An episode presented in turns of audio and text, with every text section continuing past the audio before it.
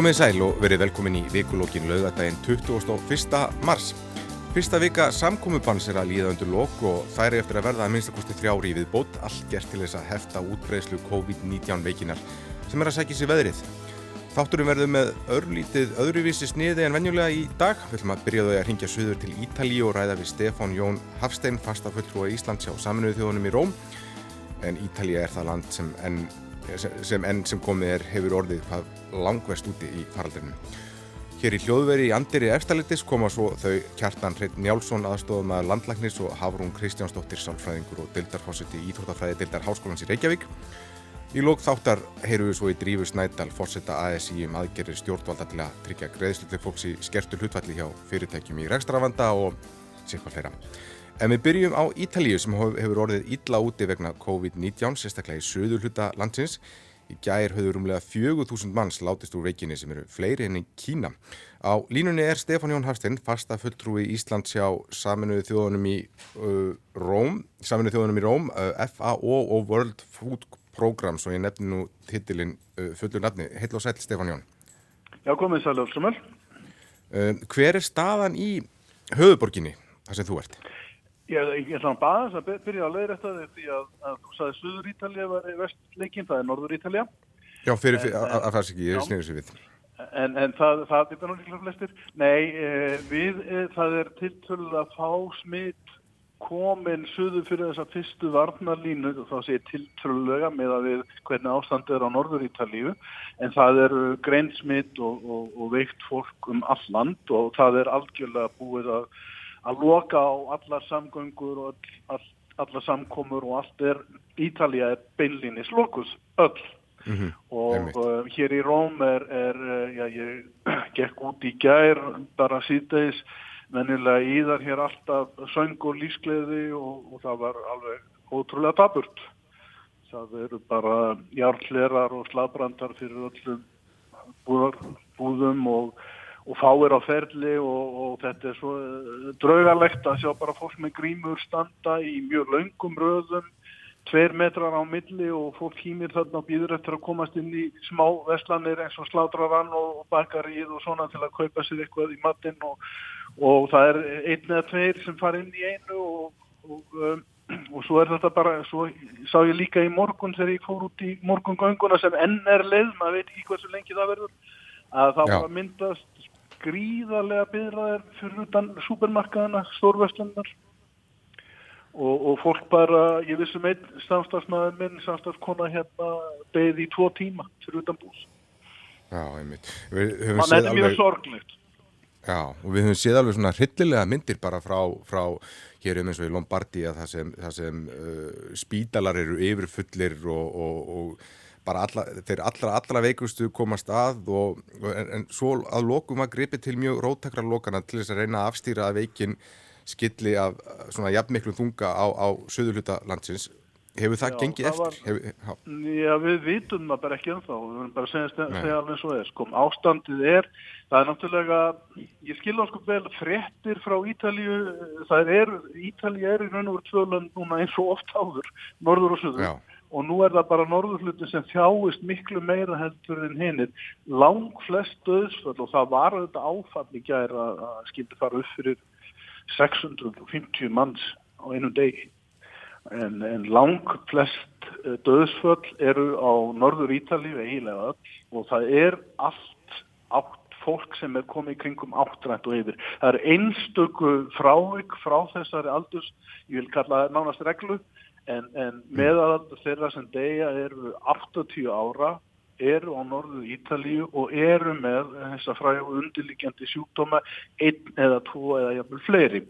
Og, og mm. þessi upplausn er mjög mikilvæg þegar fólk hugsa um þetta að sjúkdómurinn er bráð smittandi en hann er ekki bráð drefandi nema fyrir þá sem eru veikir fyrir Hvað um eins og efnahagslega áhrif? Við sjáum afleggingarnar uh, hérna allir á Íslandi að stjórnvöldur að grípa til að gera meðlannast til að tryggja fólki laun og, og spyrna við fótum í efnahagslífinu þegar þar að kemur. Eru ítalir farnir að gera einhverja slíka rástafanir eða er öll áherslan á heilbyrðiskerfið og, og bara hennilega að bjarga mannslífin?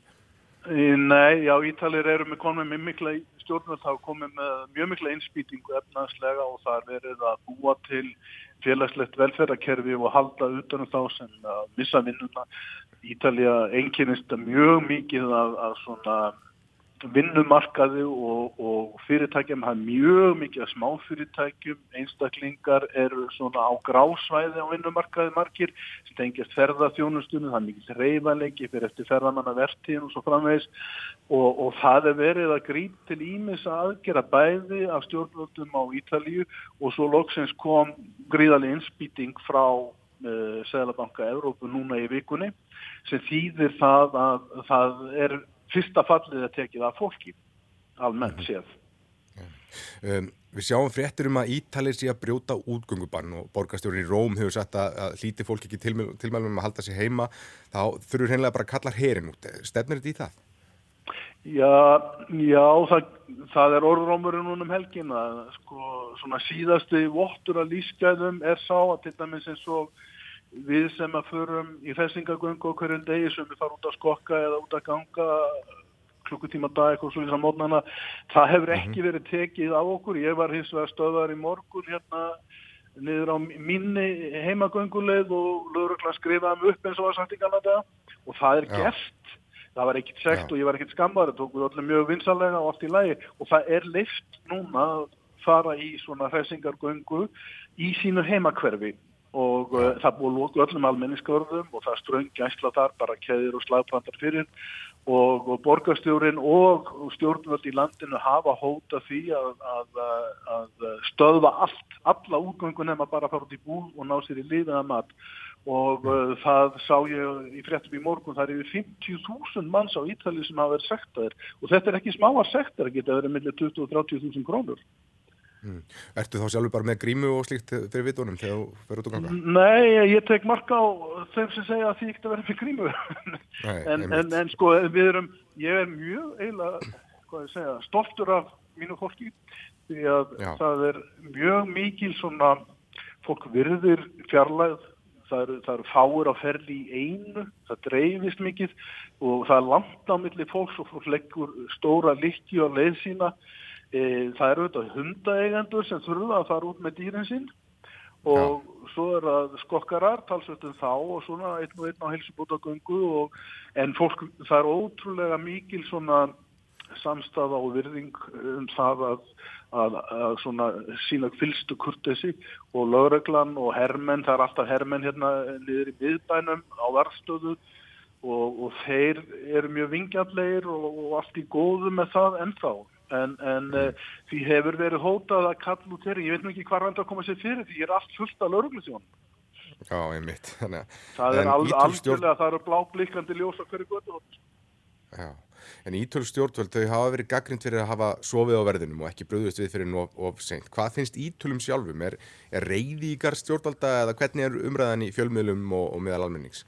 Ég, myndi, ég treysti mér ekki til að gera upp þá umræðu sem að framfæra þegar ég er nú bara ekki nógu góður í því að fylgjast með ítalskum fjölmjölum, ég fylgjast með það svona gegnum ennskumælandi fjölmjöla og það, sko, ef ég má bara segja það sem að ég hef séð og hefst er það að fólk virðir mjög uh, þessa tilröðinu sem nú er í gangi til að hefta útbreysluna og það er Já. skilningur á þeim og, og ég, það er það sem ég heyri tek svona út úr þeirri umræðu sem er í gangi það er líka hefur borðið á því að fólk hefur fundist, eh, fólki hefur fundist Európusambandi vera slagt í sína stuðning og hafa komið sint og yllveginn. Það hefur komið ábyrgandi inn í umræðuna, sérstaklega á stjórnmálamönnum, en, en e, þessi hlið sögunar verður skrifuð síðar. Þessar blaðsir eru óskriðar í dagtæli og við höfum eftir að gera þetta bæð á Ítalíu og annar staðar þegar við sjáum lóksins hver framöndan verður því að við erum ekki fann að býta nálinni með þetta. Hér til dæmis, við erum langt á undan ykkur, við erum þeimur, þreimur, fjórum vikum á undan eh, afganginum að Európu og til dæmis vitum við ekki hversu mikið, hversu útbreytur sjúkdómurinn er hérna sunnan til í landinu vegna þess að það voru margi sem lögðu landið til fót þegar lág ljóst fyrir að Norður Ítalíu er loka og þeir fóru söður úr. Og það tóku þeir mikið smitt með sér, það veit engin og Það kemur í ljós á næstu kannski viku tíu dögum hvort að hér er tímandi tímasprengja líka. Mm. Um, við erum, eins og þú segir, í, í auga stormsins, er hægt að tala, ég menna það er vantalega, og menn er ekkert fartin að vinna úr þessu, það er kannski ekkert hægt að tala um þjóðasorg eða eitthvað slíkt að því að, að bara við erum í miðjum brimskapli. Já, við, ég, ég veit að ég hlustaði á viðtölu fólk á norður Ítali og það er náttúrulega algjörlega með ólíkindum. Það, fólk er að upplifa svipaða tíma og bara í síðari heimstyröldinni og, og, hérna, og, og meðan er þetta bara sorg og mjög erfitt að eiga ættinga sem eru inn í lokaður á spítulum get ekki fyllt sínu nánustu til gravar og svo framvegis. En, en við erum ekki byrjuð að skilja þetta. Nei, uh, aðtíkl okkar hefur verið nokkuð bundin við Evrópu, Ameríku og svo Asju þar sem, sem upprunin uh, var. En svo er það Afríka þar sem þú þekkir vel til þar eru mörg að hverjum fátakustu og bersköldustu ríkjum heims og þar er veiran búin að greinast í, í 34 löndum. Óttast menn, menn óttast vantilega það versta þar? Já, já, ég er búin að fara á bæði, sko ég var á fundum hjá World Food Program með matvæla áallunni, bæði þegar þetta var að byrja þá fengum við beinan aðgang að, að þeim sem vinna á vettvangi í Afríku og ég vissi það í, í, í miðan februar af þeim frásögnum að, að sko án veirunar var alveg hríkalett ástand í, í Afríku hvað var það matvala aðstof þessu ári og, og hérna það bara mjög margt sem leggst á eitt. Flóð, þurkar og yngi sprettu faraldur fyrir utan sjúkdóma. Þannig að ástandi sko þegar við förum inn í þennan faraldur er hryllingur. Síðan gerist þá, við fengum um það og ég er búin að setja nokkra sagt, kynningar um það bara á netinu það búin að vera, allir fundin haldið þannig núna hlutags, að, að sko menn er að búa sig undir alveg ótrúlega erfitt ástand í Afriku og ég fekki það sjálfur að við erum inn í þremur Afrikulöndum að þar er heilbriðiskerfið nánast ekki neitt og það sem verða er að sko þegar okkur er sagt til dæmis að tvo okkur hendurnar og varast nærveru þú segir fólki það ekkert í flóttamannabúðum eða fátakrakverfum, mm. það sem búa miljónur og aftur miljónir manna án vats, án salerna og mjö, við mjög þröngan húsakost. E, þetta, sko við skulum bara möna það að, að það eru tveir miljardar manna, eitt fjórlungur mannkir sem hefur ekki aðgang að nægilega góðri hreinlætis aðstöðu eða hreinu vatni. Og þetta er framlínan í vörnunum. Síðan bætist það við að í mjög mörgum Afrikuríkjum sem eru alveg einstaklega tátæk, þar er heilbriðiskerfið fyrir áður en þetta kemur í algjörum mólum. Mjög veikt og, og, og erfitt að komast fá þar um önnun og ég þekki það til dæmis, ég heyrði það í frá kollegum minnum í Uganda til dæmis, það er búið að loka mjög miklu fyrir samskiptu og annað slíkt, en ég veit það því ég, það er til til að stuð síðan, ég var í flottamannabúðunum í norður Uganda þar sem fólk kemur yfir fríbleik landamæri frá Suður Sútan, þar byrð miljón manna mjög, við mjög erfiðar aðstæður Það er, það er engar heilsugjæslustöða til að tala um. Það er mjög erfitt að fá vatn og aðganga slík og fólk býr mjög þröngt. Það fær matvalaðastu og lámarslið en annað er ekki ef við horfum svo síðan á bletti eins og Sýrland, Tyrkland, flottamannabúðin er í Greiklandi og svo nefna með gasastvæði það sem eru svona mörg þjettbílustu svæði jarðar, þá erum við að horfa upp á alveg ótrúlega erfiðar aðstæður og getur orðið, getur orðið mjög, mjög erfitt. Og það sem er til dæmis bæði helbyrðistofnun hú og World Food Program er að búa sig undir að nota allt, alla sína skipularsketu, ekki bara til að koma að matvælum, heldur líka bara að ebla helbyrðiskerfin þessi veiku sem eru í þessu löndum. Þannig að mm. við sjáum alveg gríðarlega þörf fyrir stuðning á þessu ári og var hann þó mikið fyrir. Einmitt, og geta kannski allþjóð og samfélagsins að beita sér af, af, af, svona, að beita fullum stunningi, hún er kannski skert einmitt út af vandræðan bara heima fyrir hverju ríki fyrir sig.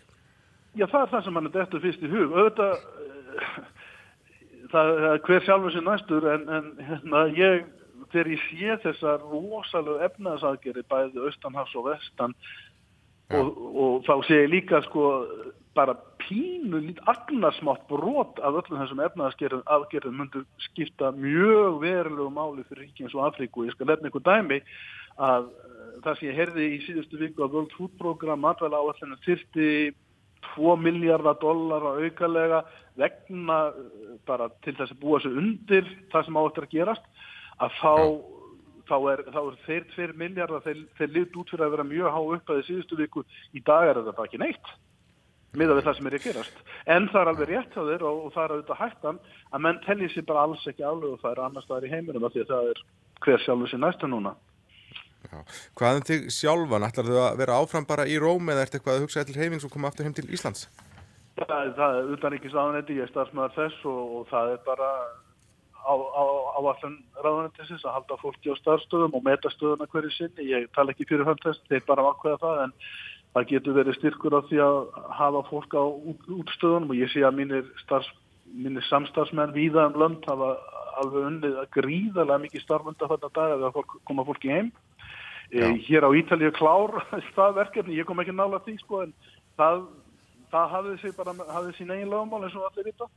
Og, og um, nei nei en, en ég veit ekki betur en að þetta er ekki sjónustan alltaf halda út í fólki á sínum póstum en ég veit að í mörgu sendiráðum er búið að flytja fólk heim og öll norrennu sendiráðin hér í Róm til dæmis eru búið að senda fólki heim og það er hver að vinna bara að heima frá sér og algjört lámarks lámars viðvera á skrifstofun og það er í höfustöðum og matvælarstofnunar, landbúnar og matvælarstofnunar og Program, þar fer engin inn sem ekki með sérstakт bóðs það er bara búið að loka og opna verði fyrir utan.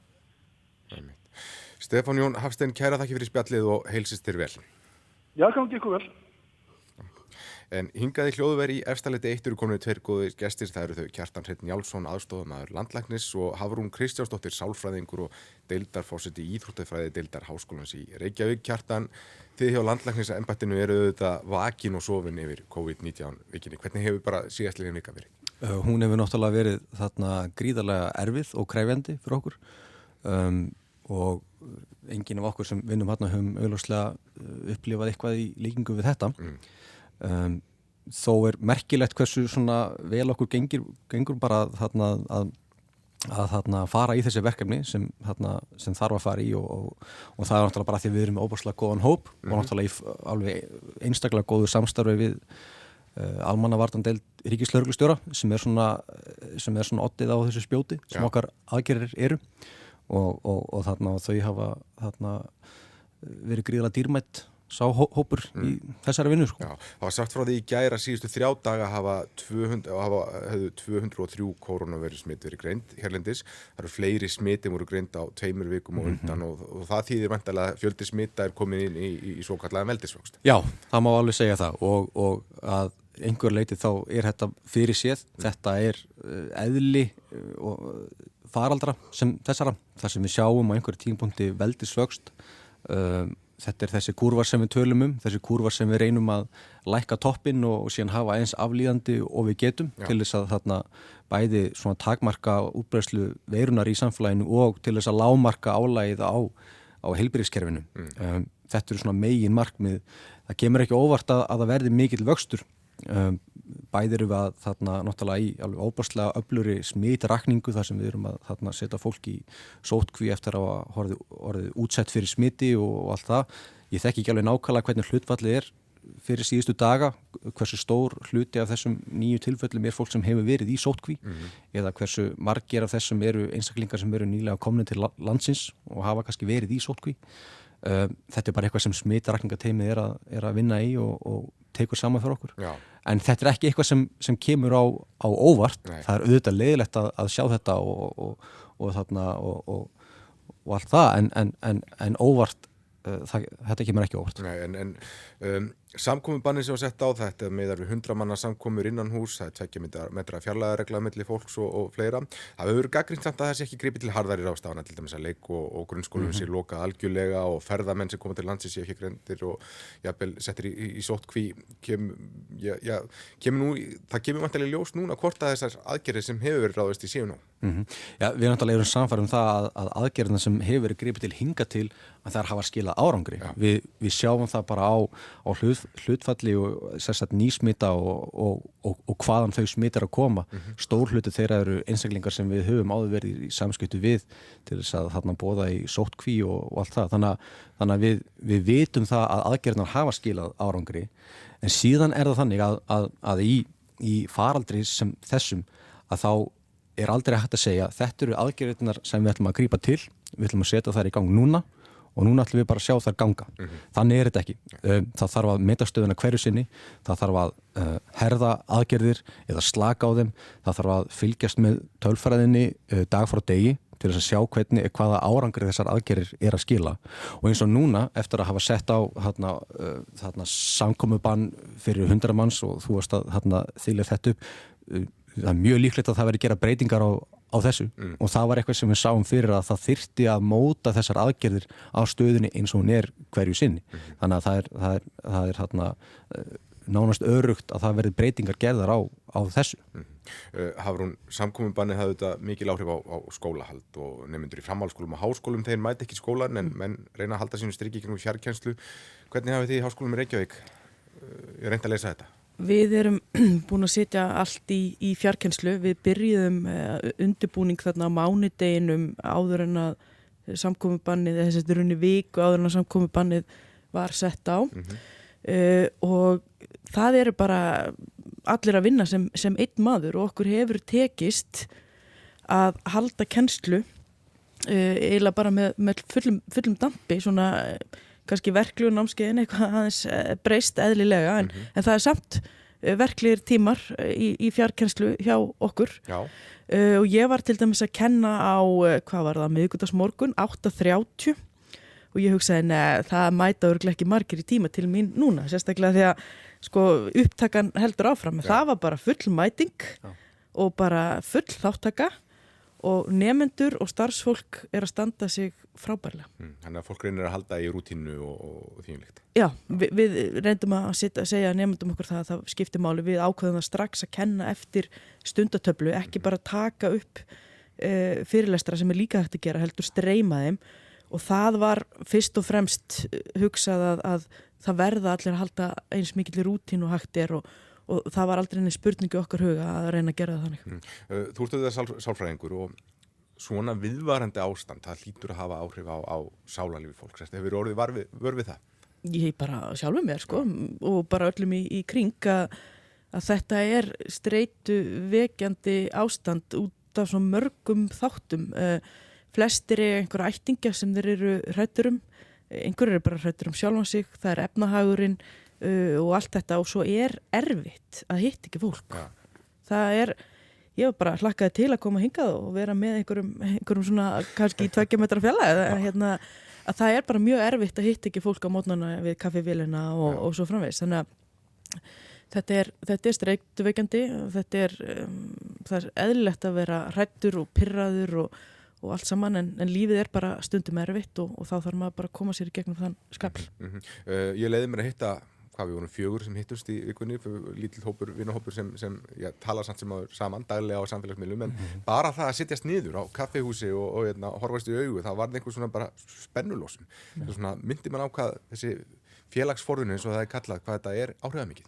Þetta er náttúrulega alveg þarna, ég finn þetta sjálfur og, og á svona svolítið sérkjælana móta það áttar maður sig á því í þessari stöðu hversu þarna hversu gott maður hefur það að eiga góða að, eiga vini og fullskyldu til þess að hitta.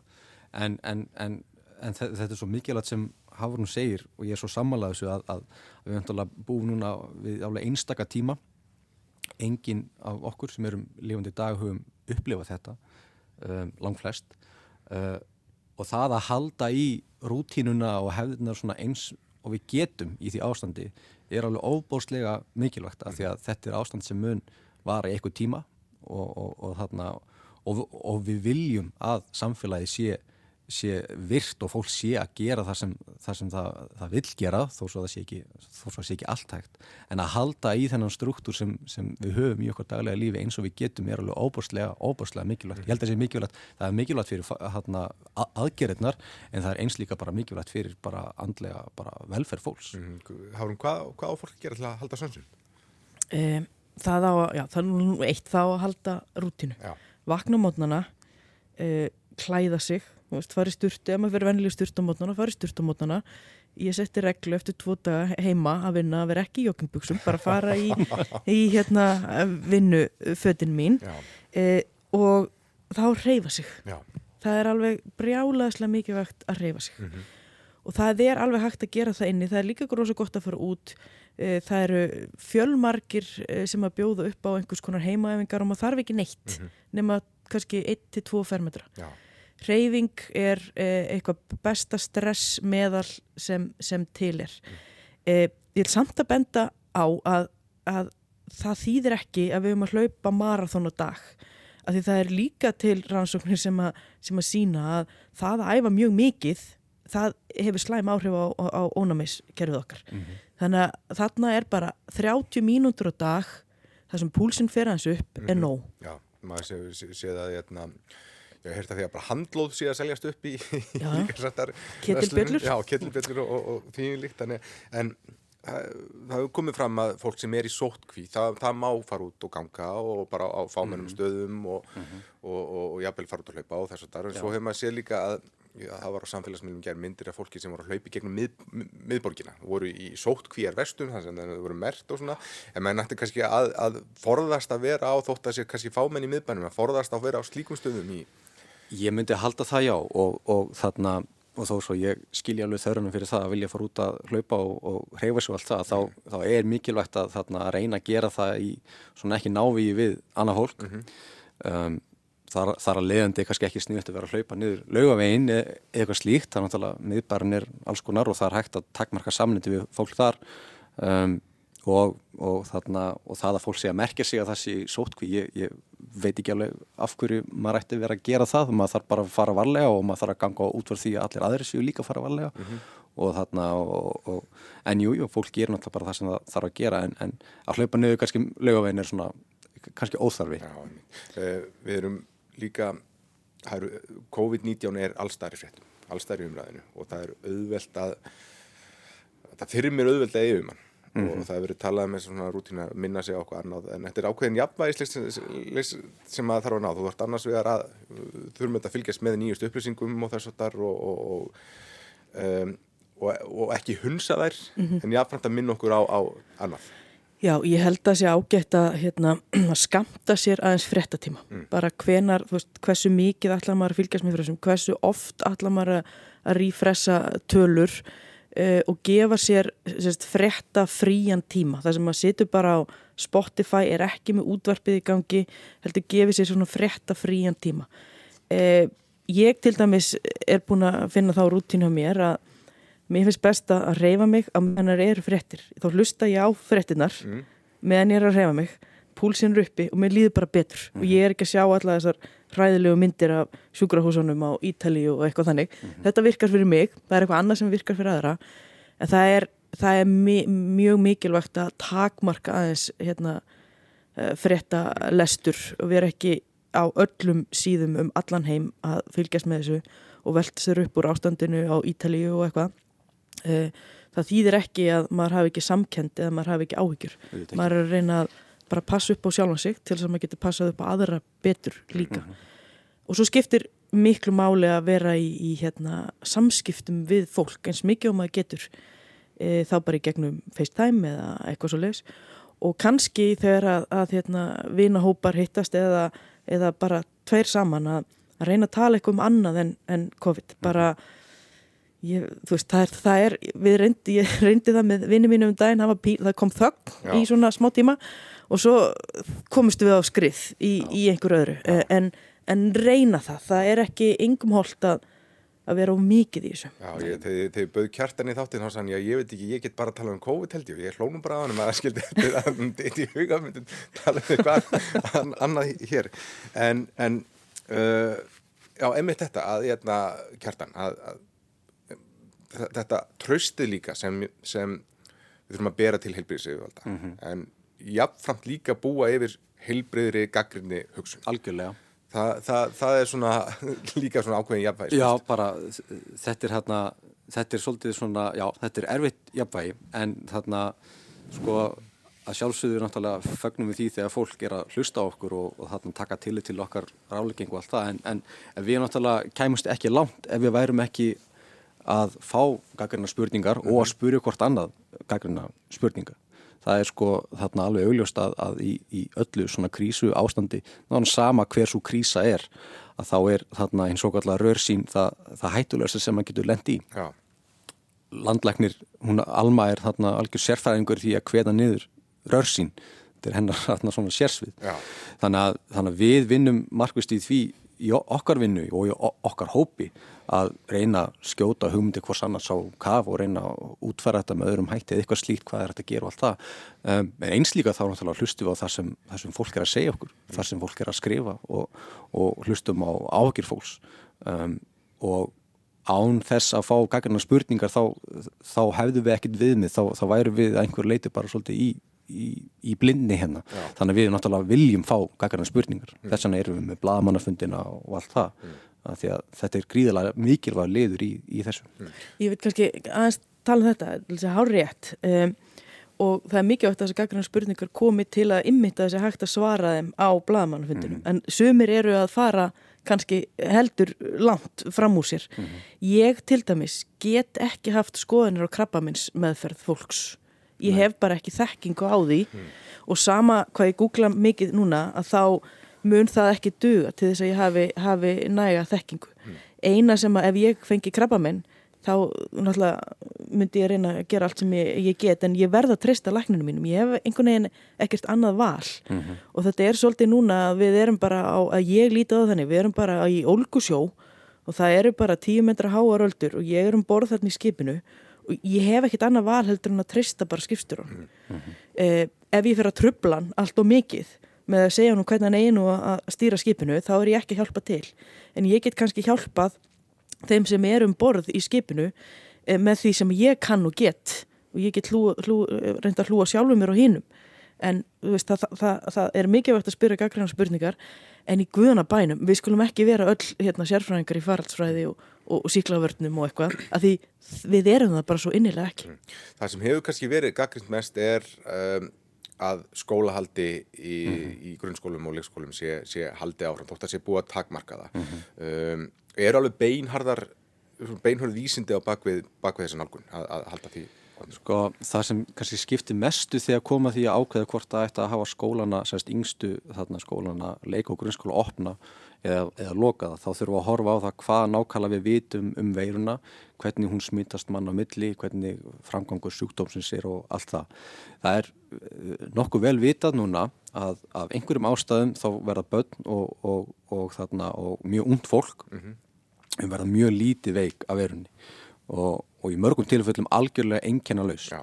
og það sem við vitum um þessa veru er, er að sama og með svo marga veru að þegar þar valda sjúkdómi þá smittast þær í gegnum enginin mm. sem fylgja sjúkdómin mm. það er að segja í gegnum hósta, í gegnum kvef og allt það þannig að þegar enginin er ekki til staðar þá er mjög lítil hætta á smitti mm. hún er afskaplað takmarkuð þannig að það er mjög ólíklegt að, að, að börn sem, sem smittast, að þau, þau sannlega smittast af verunni um, það er mjög ólíklegt að þau smittið aðra og á sama tíma og það er gripið til ákveðna rástafan í skólunum með því að uh, takmarka þarna fjölda í hópi uh, takmarka samgang millir þessara hópa síðan uh, og síðan hafa og, eða svona við hafa þessa góðu almenni smittgátt sem eru handþvottur og, og, og allt það að þá er hægt að algjörlega lámarka smitthættuna. Mm. Að því sögðu að eins og ég, eins og ég sagði áðan við förum í ákveðna aðgerir en það eru alltaf eitthvað sem við erum reyðbúin að endurskoða og þetta er sífælt í endurskoðun. Mm. Er þetta réttu aðgerðuna þurfum við að ganga lengra, þurfum við að slaka á kannski aðgerðunum sem kemur líka til greinastundum.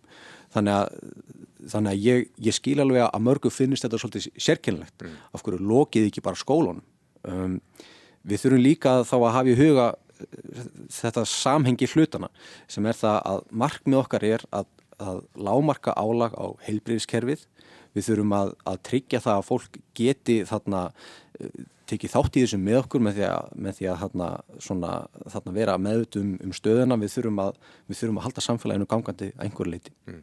Án þess verður mjög erfitt að framfylgja hinum aðgjörnum. Mm. Þannig að þetta snýst líka um það að við viljum ekki missa fólk af til dæmis landsbítalunum vegna þarna, þess að þau þurfa að vera heim með börn eða eitthvað slíkt. Það er þekkt vandamáli svona þarna, aðgerum þar sem öllu, öllum skólum er, er, er lokað.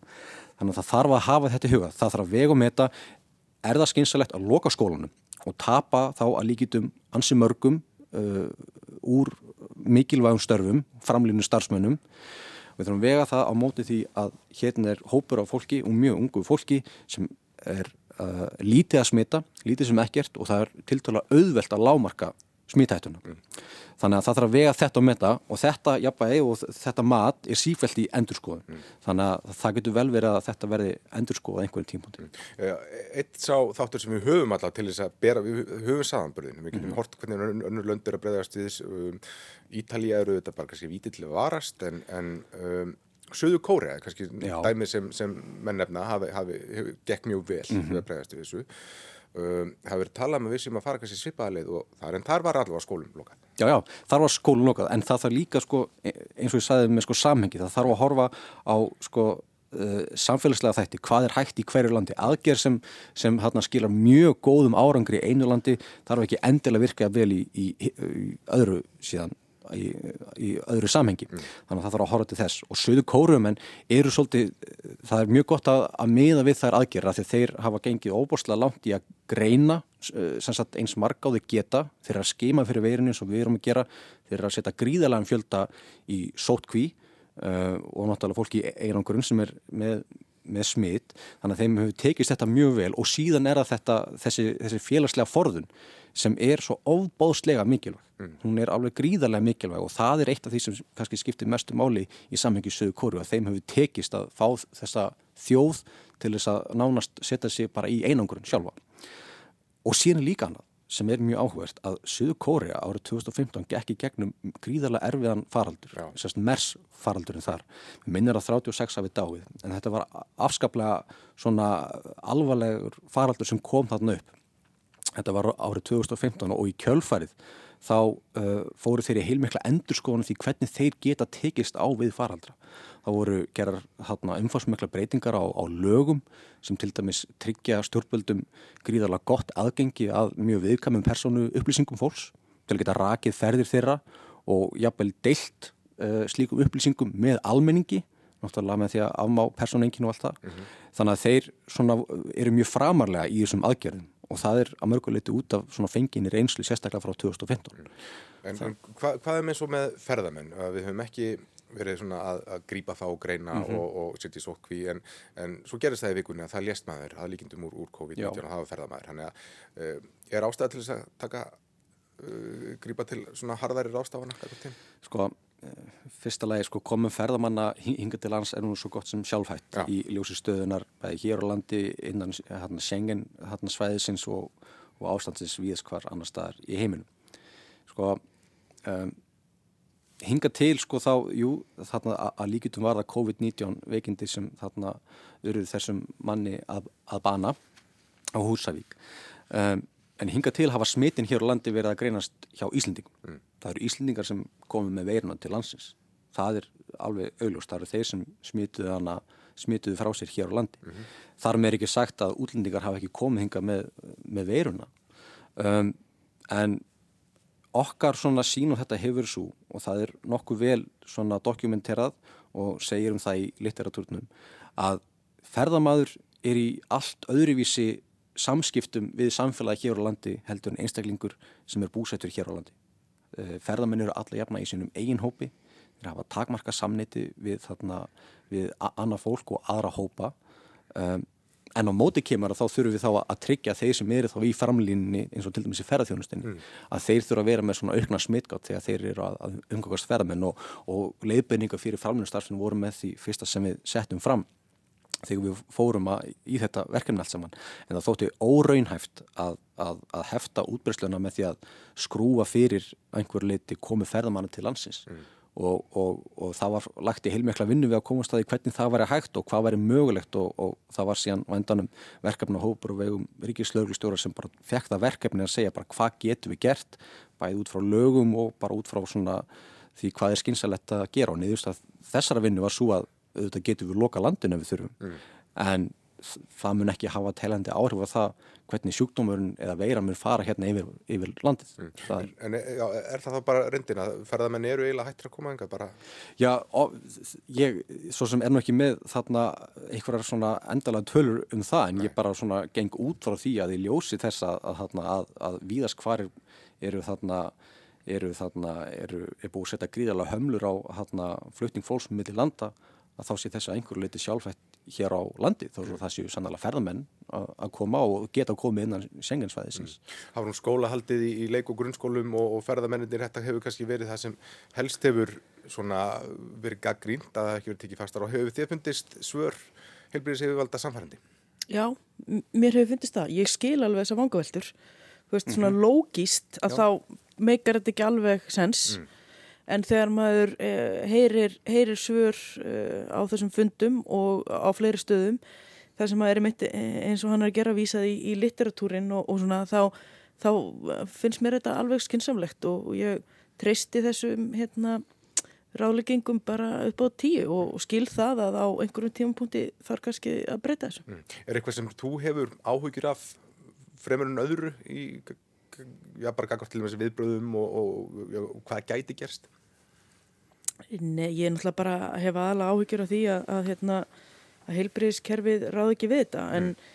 veist, ég gaggrindi landsbytalan harkarlega fyrir svona tveimur mánum en núna er ég, gæti ekki verið gladari með það sem ég sé að vera að gerast þar og, og að, að fólk sé að kaupa hérna, öndunarvelar og það virðist vera að, að hérna, samkvæmt allavega sem tölum sem ég heyri bara að það, að það við séum allavega í þokkalega góðu málum hvað öndunarvelar var það Þannig ég hef bara fulla trú á því að, að það, við séum að gera þetta bara ofbóðslega vel og mm.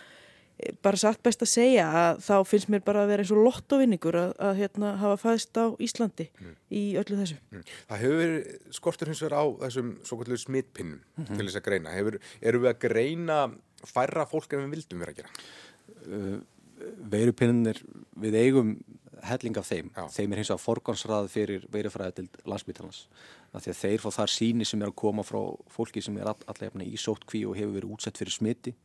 Þannig að peinunum er forgansaðað í þávinnu þannig að, þannig að skorturinn hefur á helst við um, um skeimunaverkefni díkót mm. um, það er verið að vinna því að fá fleiri pinna. Uh, við erum mjög vongóðum að, um að það muni ganga, það kannski gengur örlítið hægara heldur en venjulega. En, en, en ég veit ekki betur en að það sé bara eitthvað sem, sem muni leysast sko. og að því við vitum það að, að, að þetta er afskaplega mikilvægt tól uh, afskaplega mikilvægt gögg sem við erum að fá úr þessari skimun mm. að því að þetta gefur svona ákveðnum vísbyttingu um hversu útbreytt veiran er utan þess að hóp sem við erum svona að fylgjast náðu með í gegnum smitrækningu ja. þannig að, þannig að, að samanbörun á milli útbreytslunar og, og, og, og þess sem við erum að sjá í gegnum smitrækningu það gefur til kynna að veiran sé ekki svona það útbreytt mm og maður kannski hefði oftast vist. En við erum að sjá að það er starfsfólk á, á landsbytalanum sem er komið í sótt kví og, og sumir hafa smittast og menn höfðu líka áhugjur af, af því að það væru bara hennilega ekki til uh, nógumarkar öndurumvilar, það hafi verið að bætast í, það hafi komið gjafir og, og, og þess og þar. Uh, já, þess að það er að vera að fyndin en þá menn hljóta að anda hans léttari við því. Þú vart fyndin að það. Við, við mögum alveg vera að fyndin, sko. það er bara mjög mikilvægt sko og, þarna, og ég held að við getum öll andað aðeins léttar við þessa fregnir sem við fengum í gær uh, að því sögðu þá náttúrulega áttu við fyrir uh, háttið 30 vélar Já. og þarna það var þú veist það er mjög gott að eiga fleiri og eiga nýjar og góður vélar náttúrulega og það er bara fínt en þarna en, en jújú jú, það, það var engin engin þarna engin gríðarlega neyð í kringum þann fjöldar sem við vorum með Nei. en þetta er bara mjög gott að, að hafa mm. að sjálfsögðu. Eitt var að þetta hefum bara komað að þú spyrir Hafranundi hvað áhyggjur hún hefði mm. ég hef svolítið verið að velta þessu fyrir mér og var að velta þessu fyrir mér áður en ég kom hinga hvað, hvað, hvað er svona það helst sem ég hef áhyggjur af sko að því að, að því að við erum að reyna sko í þessum aðgjörum að horfa ekki bara á einn dag heldur kannski til næstu viku og jæfnvel næstu mánada og, og það sem kannski svona veldur mér mestum áhyggjum er það að við munum á einhverjum tímapunkti fara að glata svona þessari þessari svona samheldni sem hefur svolítið einkent okkur íslendinga í þessum aðgerðum Já. að því að þetta mun vara í daggóðan tíma mm -hmm. og þetta mun reyna á þólrefin með verulegum hætti og þetta verður þreytandi mjög fljótt og allt það og það er kannski svona það sem ég hef mm. ágjur af og, og, og við þurfum síð, sífælt þá að vera að, að reyna að hvetja fólk áfram einmitt, í þessu sko það, við, við þekkjum þetta bara uh, Uh, við þekkjum þetta bara úr hérna, handbóltamóti eða Eurovision mm. eða þegar er erfiðar stundur á bara mm. ögur stundu mm -hmm. þá, þá snúa Íslandikar byggum Mhm. saman og það myndast einhver svona stemning en það er uh, auðvitað erfitt að viðhalda henni til kannski lengri tíma Já, algjörlega. Ég held að skipti þá máli að, hérna, að við hinn sem að erum kannski ennþá með áhugirnar og ennþá til í þetta, að við gerum aðtúasemdir Já. þegar við sjáum, ég sá allir mynd í gær sem að var tekin í gær þar sem að fólk var ekki hérna, svona í tveggja metra fjallað og ég ætlaði að skrifa hei, muna tvo metrana, hætti við, vildi ekki vera hallarisleg Já. Ég held að ég geri það áfram bara. Já, og hérna, þannig að við þurfum kannski að vera í því.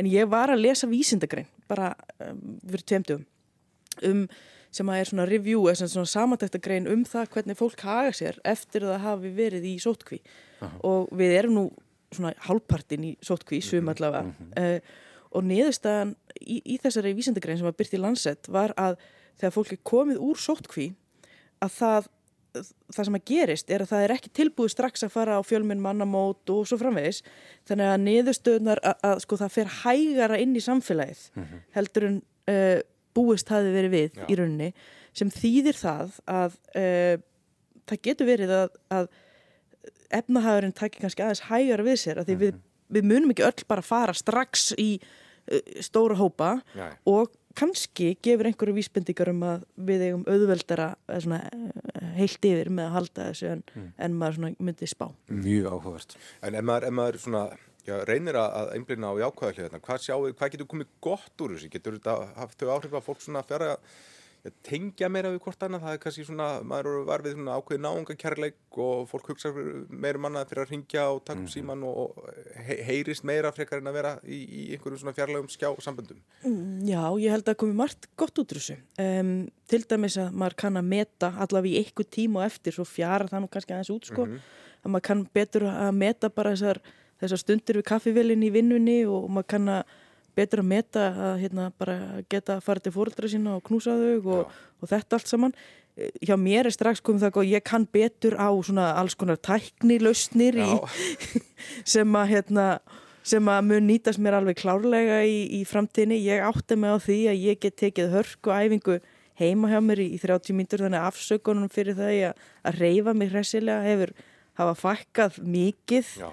Eh, Þannig að það er alls konar svona hlutir sem að, að hérna, maður, maður munur að læra og það kem, mun koma alveg fullt gott út úr þessu. Það Já, ég, ég held þetta að dræja óneitilega svona fram það besta í okkur og einhver leiti kannski það neikvæða vonandi í, í sem minnstu mæli.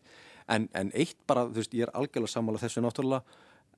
Það sem ég hef séð í þarna, ég er með stelp og nei, hérna strák á, á leikskóla þau hefur náttúrulega gripið til alls konar aðgerða að það bara fóreldri má ekki fara alla leið inn og þau rétta manni barnið og allt það og, og þannig að þau eru með svona gríðarlega öfluga smittgátt og allt það. Þetta er náttúrulega bara eitt að vera svona helst bara uh, að alla jafna sko. Við, ég held að við munum svolítið þarna fá við fáum úr þessu allan mjög góða kennslu hvernig það við getum þarna svona gætt að persónur hreinlandi almennilega og, og, og það mun hjálpa okkur ekki bara í þessari við heldum með alls konar smittsjúkdóma Það er tregðum, treg, tregðu lögmálið, það er svo ríkt, við gerum bara samfélagi virkara í, í ákveðnum kerfi en svo þegar það rofnar einhvern veginn þó þessi tíma bara um, um stundarsakir þá kannski breytir það einhverjum hlutum til frambúður hvernig við, við gerum hlutina. vafalust Uh, rétt í lókin, hvað má spyrja hvernig þið ætla að verja helginni? Er það bara heima, hlusta á útvarsleikúsið og horfa á Netflix? Nei, ég ætla að fara í mat til eh, vinkonu minnar eh, en hún sagði að hún væri búin að stilla borðinu þannig, við erum bara þrjú sko í Já. matabóðinu að borðið í sikkur helgi. Já, já við, er, hún har langt borð þannig við verðum sikur en endan einhvern veginn. Þau eru hjón sko, þannig þau getur verið nálagt og ég verð þannig einhvern veginn út á enda og ég held að þetta sé alveg lífsnöfsilegt svo morgun að þá ætla ég að búa til tvo fyrirlestra sem ég þarf að lesa inn. Annan um streitu og, og hinn um, um fyrir meistranámskynningu í Íþróttafræði sem er náttúrulega online á mánudag Kjartan, farð þú eitthvað frí um helgina? Nei, ekki mikið, þarna, en ég er búin að læra það að nýta þann svona litla tíma sem að fær bara mjög vel. Þannig ég ætla þarna, að elda pizza í kvöld með börnunum mínum og, og konunum minni og, og síðan er ég að reyna að búa til smá tíma í kvöld og ég veit ekki hvort ég ætti að vera að segja þetta ofnbörlega en það, það, svona fín núlstilling fyrir mig er að spila töluleik. Þannig, þannig að ég ætla að fara í kvöld, gefa mig klukkutíma að spila töluleik og, og, og gleima heiminum í smásund. Sálfræðingurum segir að það sé mjög góð lið, bara ekki á mikið. Þakka þið kellaði fyrir, ég ætla að fara með þetta beint heim. Kæra það ekki fyrir komin að Kjartan Hreitn Jálsson og Hafrún Kristjánsdóttir. En alþingi samþitt í gæri lögum greiðstur til fólks í skertu starfshlutfalli hjá fyrirtækjum í rekstravanda vegna COVID-19 faraldursins. Næstu 2,5 mánuð mun ríki greiða alltaf 75% af launum fólks. Þetta er líka til þeirra sem eru sjálfstæðstarfandi og þá voru líka samþitt lögum greiðslu Á Drífa Snædal, fórseti ASI. Drífa, ertu ánað með þetta frumvarp sem var samtitt í gerð? Uh, ég er mjög ánað með þær breytingar sem urðu á frumvarpinu frá því að hérna, það var lagt fram og niðurstöðuna þannig að það var komið til móts við flestar okkar áhegjur. Þetta hefur viljað sjá meira, uh, mörgin hafi verið herri og svo framvegis en það sem er greiðarlega mikilvægt í þessu er að í fyrsta lagi þá er þetta samkómulega á milli aðbyrðreikart og launafólks um hvernig hlutinni verða það er ekki hægt að ákveða svona einlega mm -hmm. og hérna og síðan að þetta var farið niður í 25% þannig að þú getur verið í 25% starfslutvalli uh, og, og verið á aðurleysbótum þá 75% mm -hmm. og þetta hefur ekki áhrif á önnu réttindi þannig að ef, þér, ef þú hérna, missi vinnuna svo eftir mánuð að þá er miða við einhvern veginn stöðun eins og vast á vinnumarka áru og fórst í þetta úrræði og það skerðir ekki átunu leysis rétt þinn uh, áfram. Mm. Þannig að það er, það er Hafið... mikilvægar vörður í þessu. Mm. Hefur þú hugmynd um já, hversu margir nú þegar munu njóta gósa þessu? Nei, það er náttúrulega raunin það sem við erum að, að býða eftir og, og velta fyrir okkur. Um, það verður opna fyrir umsóknir sennilega á mánudaginn, það er verið að vinna að hörða að því að, að opna gáttirnar Mm -hmm. Þannig að þá sjáum við hluta af þessu og, og tilgákurinn er náttúrulega að reyna að halda fólki í ráðningarsambandi í gegnum þetta Já. og forðast fjöldaðuppsagnis. Við erum ekki búin að fara í gegnum mánaðamót í þessu ástandi þannig að Já. við eiginlega, ég, ég hugsa að við gerum okkur ekki grein fyrir stöðinu almenlega fyrir, fyrir ennum mánaðamóti næstu. Mm. Og þetta er auðvitað líka til þeirra sem eru sjálfstæðstarfandi, það hlýtur að skipta máli. Það skiptir gríðalögumáli uh, en það sko, er það fólk sem verður kannski fyrir tekifalli bara svona strax um, mm. þannig að það hérna, við þurfum að reyna að halda sko, lífsgæðum og lífskjörum fólks og, og treysta því að fólk hafi einhverju einkomi í þessu ástandi hvort sem það sjálfsagt starfandi ekki. Þetta er hluti af aðgerrar áallum ríkistjórnarinnar sem var kynnt í síðustu viku. Það verður bladamannafundur á eftir klokkan eitt þar sem enn frekari aðgerrir verða kynntar. Hverju áttu vona á eða öllu heldur, hverju vonast eftir þar? Uh, ég vonast eftir að það verður talað til heimilana þannig að fólk hafa eitthvað fullvísum það að það verði komið til móts við heimilinlandinu. Uh, mm. Síðan ræknaði með að það verði fjárfæstinga áallanir. Uh, við erum náttúrulega í svolítið öðrum stað núna heldur við vorum 2008 við höfum lagt áherslu á það sem tekið til til kynnisjóna með fjárfæstingáallum byggðarsjóna með það uh, og svo náttúrulega græna lausna líka við séum ekki til að byggja sama aturlíf heldur, heldur að bæta undir stóðir aturlífsins hérna á Íslandi. Uh, það er að, kann aldrei góðri lykku að stýra að vera með ekkin í og fáum körfum uh, af því að aturgreinatar eru náttúrulega komið sérlega út úr þessu Já Eh, þú gaggrindir á dögunum að Ríkistóttin hefði ekki, ekki nefnt launþegar hreifingarna þegar hún var að tala um samráði í, í aðgerðum. Hefur verið gerð bót á því? Hefur ykkur verið hleyftað meirað borðinu? Við höfum verið í miklu samráði við stjórnvöld núna undanfarið, já. Já, þannig að þú ertu, er, ertu ánað með það, svona, til dæmis að þú gerða breytingar á þessu frumvarfi, ertu með ánað með það, já, er tekið nægilegt tillit til ykkar, ykkar svona með það? Ég, eins og ég segi, ég hefði viljað að sjá þetta ganga lengra uh, og auðvitað verður einhvern svona óvissu atriði sem við þurfum að fá úrskurði um. Uh, Já. er ekki öllum spurningu svarað þarna. Uh, en við erum í þjættu samstarfi og samræði við stjórnvöld, getum komið okkar aðtúarsendum í auðvitað að skila. Þannig að það hefur verið gerðið bragabútt á þar. Mm. Um, það stefnir í kreppu á öllum líkindum. Hvernig eru þið hjá ASI að undibú okkur fyrir komandi tíma? Við erum með mjög þett samstarf og samráð við okkar hérna, samningarnemnd uh, og erum ekkert að reyna að gera okkur grein fyrir stöðinu bara frá degi til dags. Það eru alltaf mm -hmm. að koma upp spurningar frá okkar félagsmönnum inn á bort til okkar sem við höfum ekki svöri við og erum að reyna að vinna úr. Þannig að við erum eins og flestir aðrir að reyna að gera okkur grein fyrir stöðinu. Uh, það sem við náttúrulega leggjum áherslu á er að, er að hérna, þessi kreppa sem við fyrir mig gegnum núna leiði ekki til aukins misséttis í samfélaginu, uh, leiði frekar til aukins jöfnuðar og jafnettis og það er svona okkar, okkar fókus núna að styrkja Já. tekjur fólks og að gera fólki kleft að standa við sína skuldbyttingar.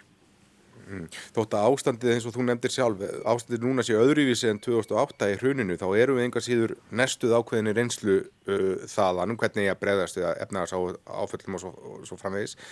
Hvaða víti finnst þér nöðsynlegt að, að varast?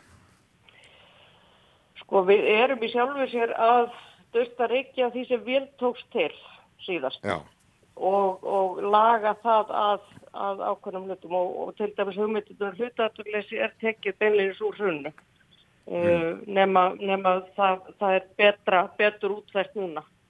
Uh, við getum líka að halla okkur að ákveðnum hugmyndur sem hafa verið til þess að efla fólk í námi og mentun og endurmentun uh, þegar það er á afturlegisbótum Eh, þannig að sko við búum mjög vel af því sem var gert í sunninu og, og eins og ég segi það sem vel var gert. En, en hérna það sem verður það sem þarf að varast og verður að gera strax er að fólk náttúrulega er með þessa tilfengu hvað verður um húsnæðisláni mín? Mm -hmm. hvað verður um húsnæðin og það var náttúrulega það sem fór svo illa með fólk í hruninu Já. Þannig að það verður að tala inn í það strax og við höfum verið hérna langt áherslu á það að fólk sem er með verðri lán til dæmis þurfum ekki að taka á sig verðbólku skoti, verðbólka fyrir að stað uh, og, og stjórnvöld ég held að það færi mjög vel af því að stjórnvöld myndi komið pakka það sem verður tryggt að fólk geti hérna haldi húsnæðinu og það verður gef, gefið mjög skil skilabóð út af það. Uh, við vitum að mörg legufélög ætla að koma til móts við fólk Eh, þannig að hérna, það er svona leksjan úr hruninu að það þarf að hérna, fullu þess að fólkum að, að hérna, húsnæði þeirra sér tryggt. Við fylgjum stöðut á eftir með hvernig hvað hva, hva kemur úr þessur aðgerrar á allum ríkistjórnarinnar og bladamannafundi klukkan eitt. Kæra þakki fyrir spjalli, drífa Snædal og hafa það gott. Takk hjá sem leðis. En þættinum er þá lokið í dag við óskum ykkur, ykkur górar helgar og verið í sæl.